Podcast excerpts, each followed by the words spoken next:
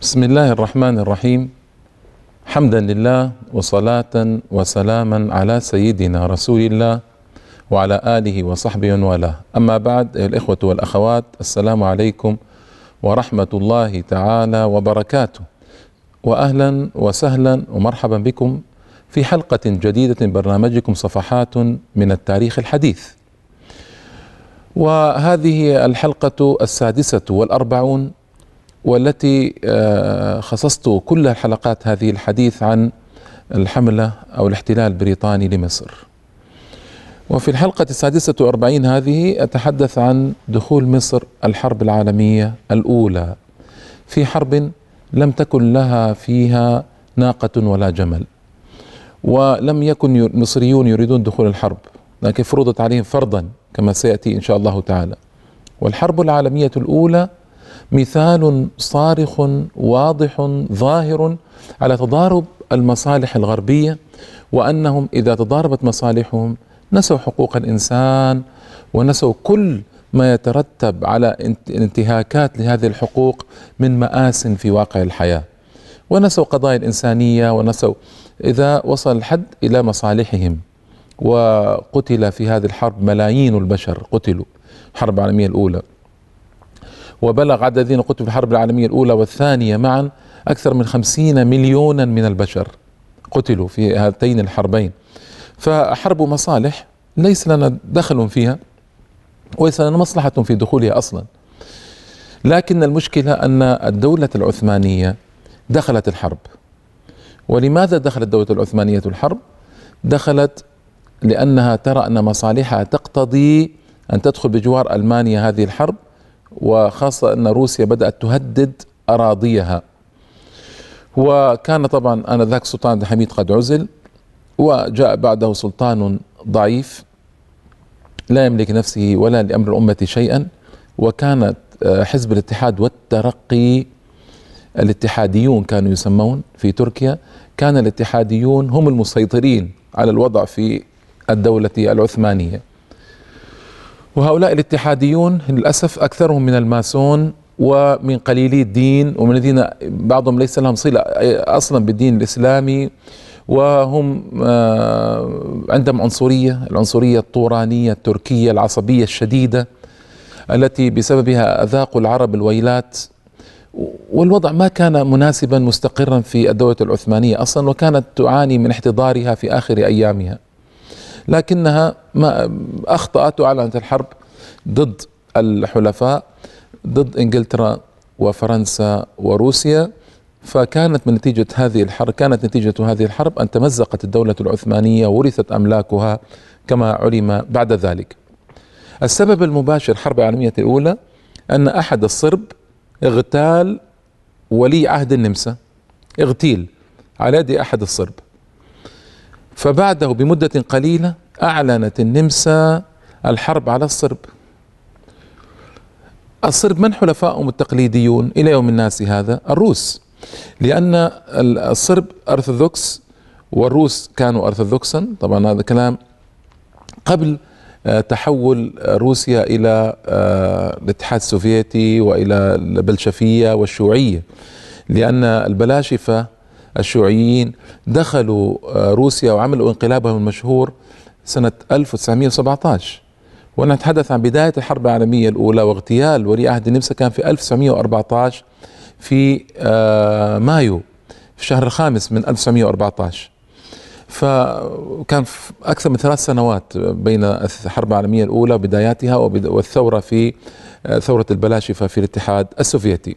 فكان القياصرة في روسيا أرثوذكسا أيضا فساعدوا الصرب وأعلنوا دخولهم الحرب بجوار الصرب ضد النمسا.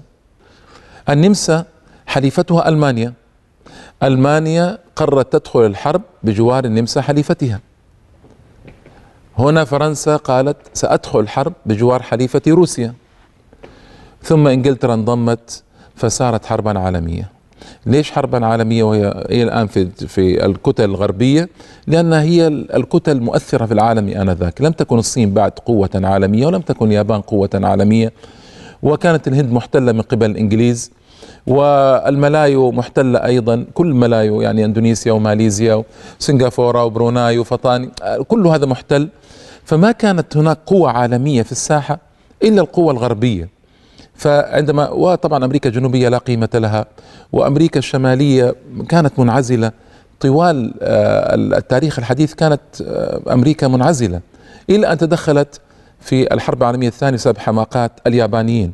وإلا أمريكا كانت معتزلة الحرب العالمية الأولى وليس لها بها علاقة. إلا من بعيد بالتحالف مع إنجلترا في مواضع. لكن في النهاية أوروبا هي التي كانت تمسك بزمام العالم آنذاك بعد الله تبارك وتعالى جل جلاله. آه، فقامت الحرب العالمية الأولى انفجرت على هذا الوجه. آه، ألمانيا والنمسا وتركيا في جهة وفرنسا وروسيا وبريطانيا في جهة وكان مع كل جهة بعض الحلفاء الصغار الذين ليس لهم قيمة كبيرة. ودخلت تركيا الحرب على هذا الأساس. وتورطت تركيا تورطا كبيرا جدا في هذه الحرب التي لا ناقة لها فيها ولا جمل في أسبابها وبداياتها وفي لكن وجدت نفسها يبدو مضطرة من خلال التهديد الروسي لها وأنها في قلب المعمعة وأنها لا يمكن أن تنجو. فربما هذه كانت إحدى الأسباب التي أو أحد الأسباب التي دعتها لدخول هذه الحرب الحرب العالمية الأولى. آه، مصر آنذاك كانت دولة مستقلة. اسميا بناء على مفاوضات لندن سنة 1840 آه، أيام محمد علي باشا. وأعطتها استقلالا عن تركيا. ثم لما دخلتها إنجلترا كانت المعاهدات باقية كما هي. آه، أن مصر دولة مستقلة طبقا لمفاوضات لندن سنة 1840 تتبع السيادة العثمانية اسميا طبعا. وهذه السيادة تبع تبعيتها لتركيا تقتضي أن تعطيها خراجا سنويا ومقدارا ماليا سنويا وأن تغيثها إذا احتاجت تركيا في الحرب لرجال إلى آخره. معاهدة معينة. فلما دخلت إنجلترا كان لها السيادة الفعلية في مصر. السيادة الفعلية في مصر. في أيام آه، في الأولى قبل الحرب يعني بدايات الحرب العالمية الأولى كان الخديو عباس حلمي في رحلته السنوية في الصيف التي يخرج فيها خارج مصر. وكان في في الأسيتانا يعني إسطنبول كانت تلقب بالأسيتانا إسطنبول. فهذا كلام في مايو ذهب في الشهر الخامس يعني عندما اغتيل ولي عهد النمسا. كانت الأوضاع في مصر آه، تنذر بتوتر وضيق. عين قائم مقام مكانه هو رئيس النظار. النظار يعني الوزراء كانوا يسمون بالنظار. قائم مقام وحسين رشدي باشا. وذهب. حسين رشدي باشا لما رأى الأمور توترت توترا عظيما وأصبحت ضيقة أرسل برقيات متتالية للخديو عباس حلمي حتى يعود. قال له الوضع ينذر بصعوبات وينذر بقدوم الحرب إلى مصر فينبغي أن تعود حالا. تأخر الخديو عباس حلمي. هنا التأخر بعض المؤرخين ينسبه إلى أن آه، تعرض لمحاولة اغتيال ودخلت في جسده أربع رصاصات وكان يتعالج. الله أعلم. ليس هناك تأكيد لهذه الرواية. الذي هو ثابت أنه تأخر في العودة. فلما تأخر في العودة انقطعت السبل. بدأت الحرب فعليا ودخلت الحرب إلى كل مكان تقريبا في أوروبا و... وانقطعت السبل سبل العودة به إلى مصر. ثم استطاع أن يعود. ولما قطعت به السبل حيل بينه وبين مصر. وصار حسين رشدي باشا القائم مقام الخديوي هو الحاكم الفعلي لمصر آنذاك. ما ما عين آه، يعني ما عين أحد مكان عباس حلمي بعد وعباس في الخارج وهو السلطان الشرعي كما يقولون على مصر معين من قبل الخليفة العثماني هذا هو الحاصل هذا هو الوضع في مصر آنذاك. كان آه، رأي المصريين عموما ألا يدخلوا هذه الحرب مع بريطانيا وأن يجنبوا بلادهم ولايات الحرب وتبعاتها التي لا داعي لها أصلا.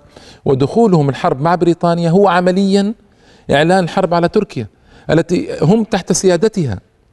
فكيف يكون هذا؟ هذا تناقض وتناقض كبير.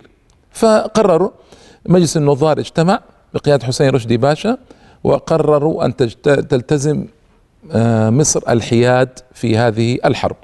هذا هو الحاصل إلى الآن. آه، هنا بريطانيا شددت الضغوط على مصر لكي تدخل حرب معها وتعلن الحرب على الدولة العثمانية لحاجة في نفس يعقوب طبعا. وللأسف الجرائد الموالية للاحتلال الجرائد العميلة الخائنة آه، صارت تعارض حياد مصر وتبرر دخولها الحرب بجوار بريطانيا وجوار الحلفاء. وحصلت هنا آه، حادثة مهمة توضح لنا كيف يضغط على الحكام المسلمين من أجل تنفيذ مآرب الكافرين ومآرب آه، الإمبريالية العالمية والغطرسة العالمية وجبروت العالمي ومحاولات السيطرة على العالم. آه، لما أعلنت الحرب بين الألمان والإنجليز سرت قواعد الحياد في مصر بناء على قرار مجلس الوزراء. كان هنالك نائب لمعتمد الانجليزي معتمد الانجليزي في كان خارج البلاد. كان الوقت صيفا وكان الناس تذهب خارج البلاد لبلادها. فكان رجل يسمى تشيت هام تشيت هام كان نائب المعتمد البريطاني في مصر. فدخل على حسين رشدي باشا وأبلغه بضرورة أن تكون مصر بجوار بريطانيا في هذه الحرب. وإلا اسمعوا فإنه سيرسل قوة بريطانية عسكرية لتعتقل حسين رشدي باشا وجميع الوزراء إن لم لم يصدروا هذا القرار. شيء عجيب. أين التفاهم؟ أين الحوار وحقوق الإنسان وكل هذا يذوب؟ يا إخوة تأكدوا تماما التأكد. كل هذه اللافتات التي يزعمون بها أنهم يرعون حقوق الإنسان كل هذه اللافتات تذوب وتمحي وتسقط يوم تتعارض مع مصالحهم. حقوق الإنسان شيء ممتاز ومراعاه حقوق الإنسان والإنسانية العالمية والحوار والأخذ والرد يكون إذا كان هذا في مصلحتهم. إذا كان ضد مصلحتهم مستحيل ان ان أن نوافق على شيء اسمه حقوق إنسان وابدا. هنا تنبذ كل هذه وتستخدم القوة ولغة القوة. ويضحكون علينا بأنهم هم مؤسسون لحقوق الإنسان وأنهم هم وهم وهم والواقع يثبت كذبهم دائما وابدا ونكمل بعد الفاصل إن شاء الله تعالى.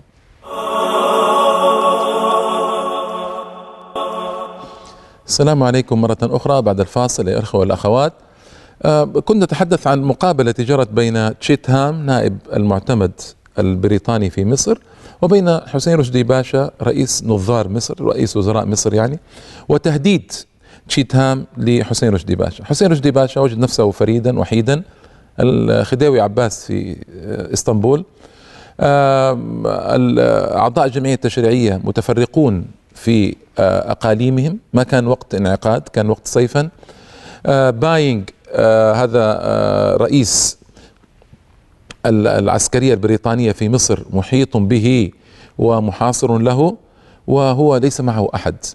فما كان منه إلا أن رضخ لأمر الإنجليز واجتمع مجلس النظار مجلس الوزراء المصري وأعلنوا دخولهم الحرب مع بريطانيا واستسلموا وكان ذلك سنة 1332 الهجرة ب 5 أغسطس 1914 و14 القرار اتخذ. وأدخل مصر الميدان الحربي وصار هنالك كلام طويل آه، عقب هذا القرار. آه، إنجلترا انتهزت فرصة أن خديوي عباس حلمي خارج البلاد وانقطعت السبل به بالعودة بسبب الحرب. أرسلت له برقية تطلب منه عدم العودة. ولن نسمح لك بدخول البلاد إذا عدت. هكذا. لأن بينه وبينه وبينهم عداوات وأمور ما كانوا يفضلون أن يعود عباس حلمي يريدون سلطانا أو ملكا أو حاكما أكثر خضوعا منه وأقل آه، مشاغبة من خديوي عباس حلمي. آه، الذي حصل انقسم الرأي العام في مصر إلى قسمين بالنسبة دخول مصر الحرب. قسم يرى أن هذا خطأ كبير جدا وأن ينبغي أن نلتزم الحياد. وهذا طبعا وقسم آخر يرى أن لا هذا الدخول هو أمر مصيري ومهم ونحن نرتبط بالإنجليز ولابد أن ندخل شئنا أو أبينا. طبعا هذا القسم الأخير هو الصحف العميلة للاحتلال. و وللاسف الشديد دخل مع هذا القسم الذي يرى وجوب دخول الحرب مع الإنجليز أعيان مصر. مثل سعد زغلول وعبد الخالق ثروت وعدلي يكن وإسماعيل صدقي وكثير من المصريين الاثرياء الذين تعلموا الخارج في بريطانيا وعادوا كانوا يرون وأيضا أعضاء الحكومة القائمة كانوا يرون هذا الرأي رأي لابد منه. آه وأن لابد من التخلص من الحكم العثماني أو من السيادة العثمانية وبالمتفاهم مع الإنجليز بعد الحرب من أجل نيل الاستقلال. أما القسم الأول تعبر عنه صحيفة الشعب ممثلة آه، لسان حال الحزب الوطني ويطالب بالاستقلال التام عن بريطانيا وبقاء الارتباط الروحي والسيادة العثمانية الاسميه على مصر وعدم اعلان الحرب على آه، تركيا.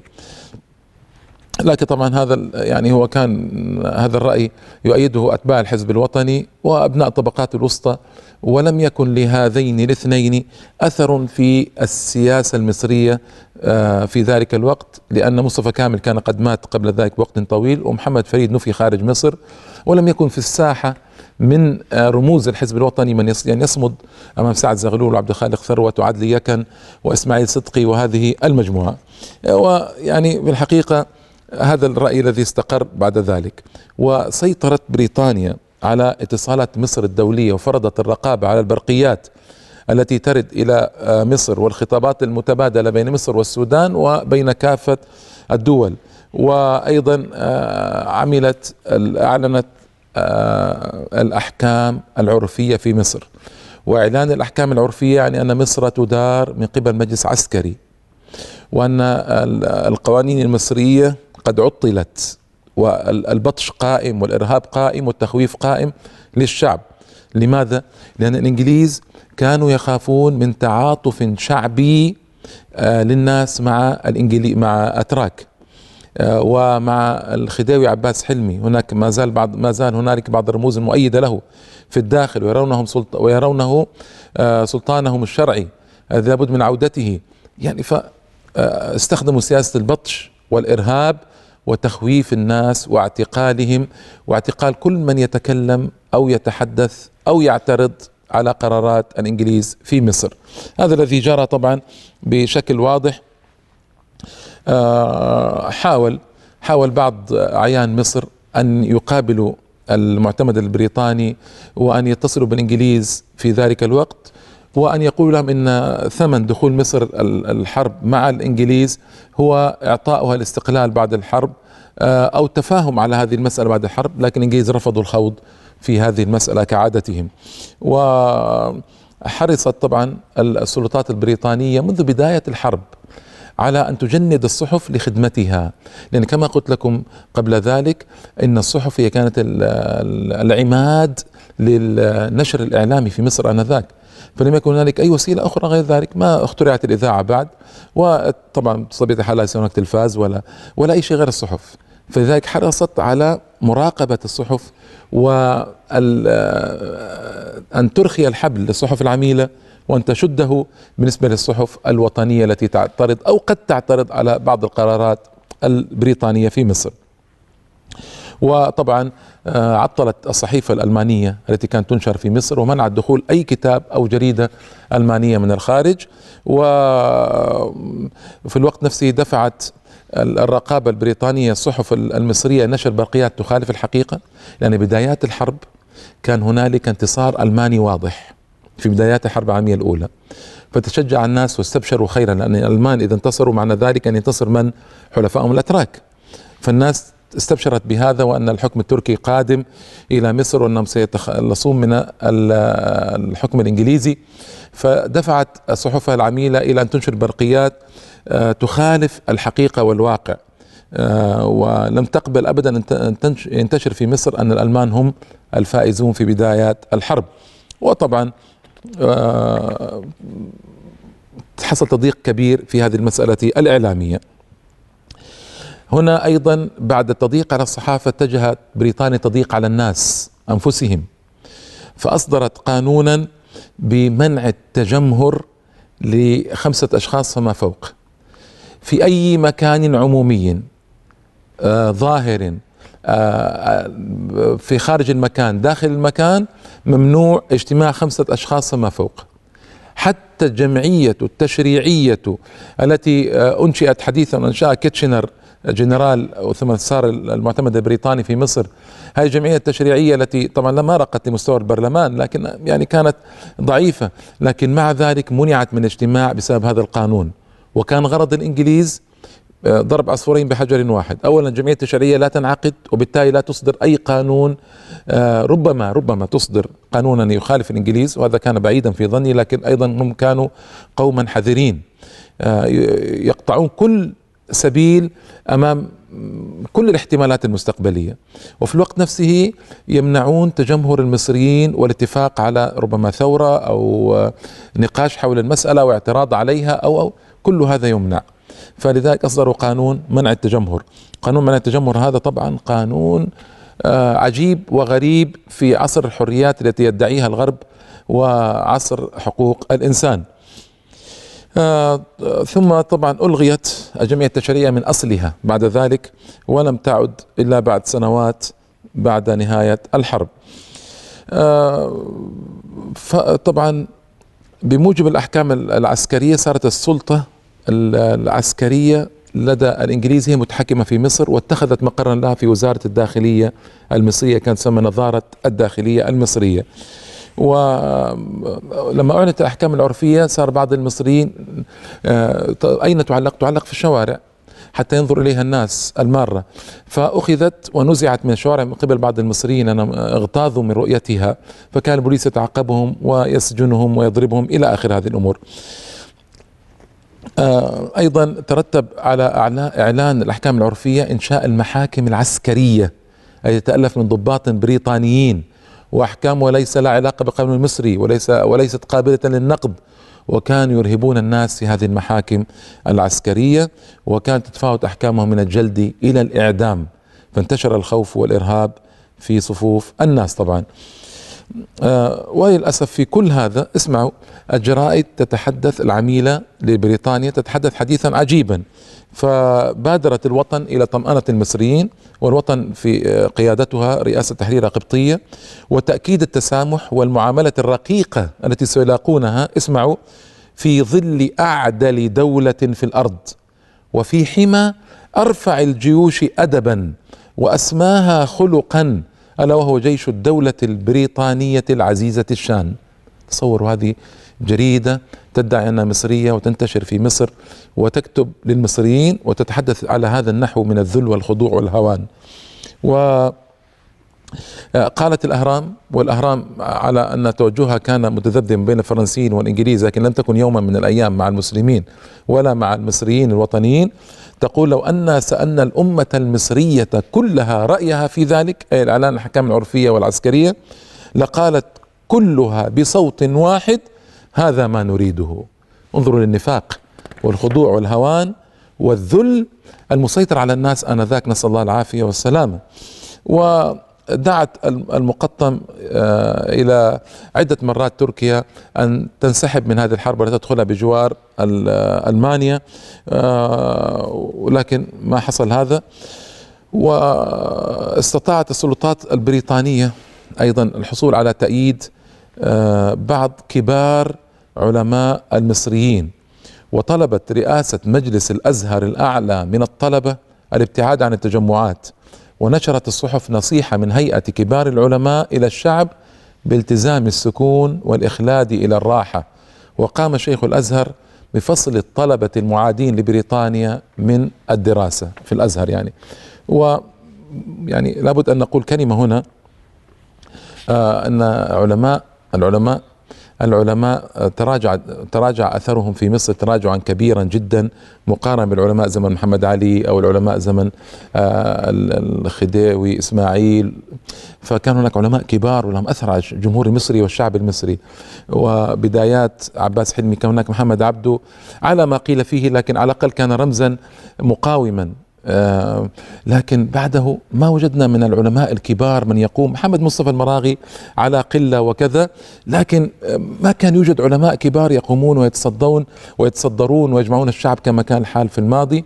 وهذا طبعا آه، بسبب أو نتاج تخطيط بريطاني طويل المدى واتى اكله وأثمر ثماره ثماره بعد ذلك. وهناك نكمل إن شاء الله تعالى الحرب العالمية الأولى. المخرج أشار بانتهاء الوقت. سنكمل أحداث الحرب العالمية الأولى وأثرها على مصر في الحلقة القادمة إن شاء الله. إلى اللقاء. والسلام عليكم ورحمة الله وبركاته.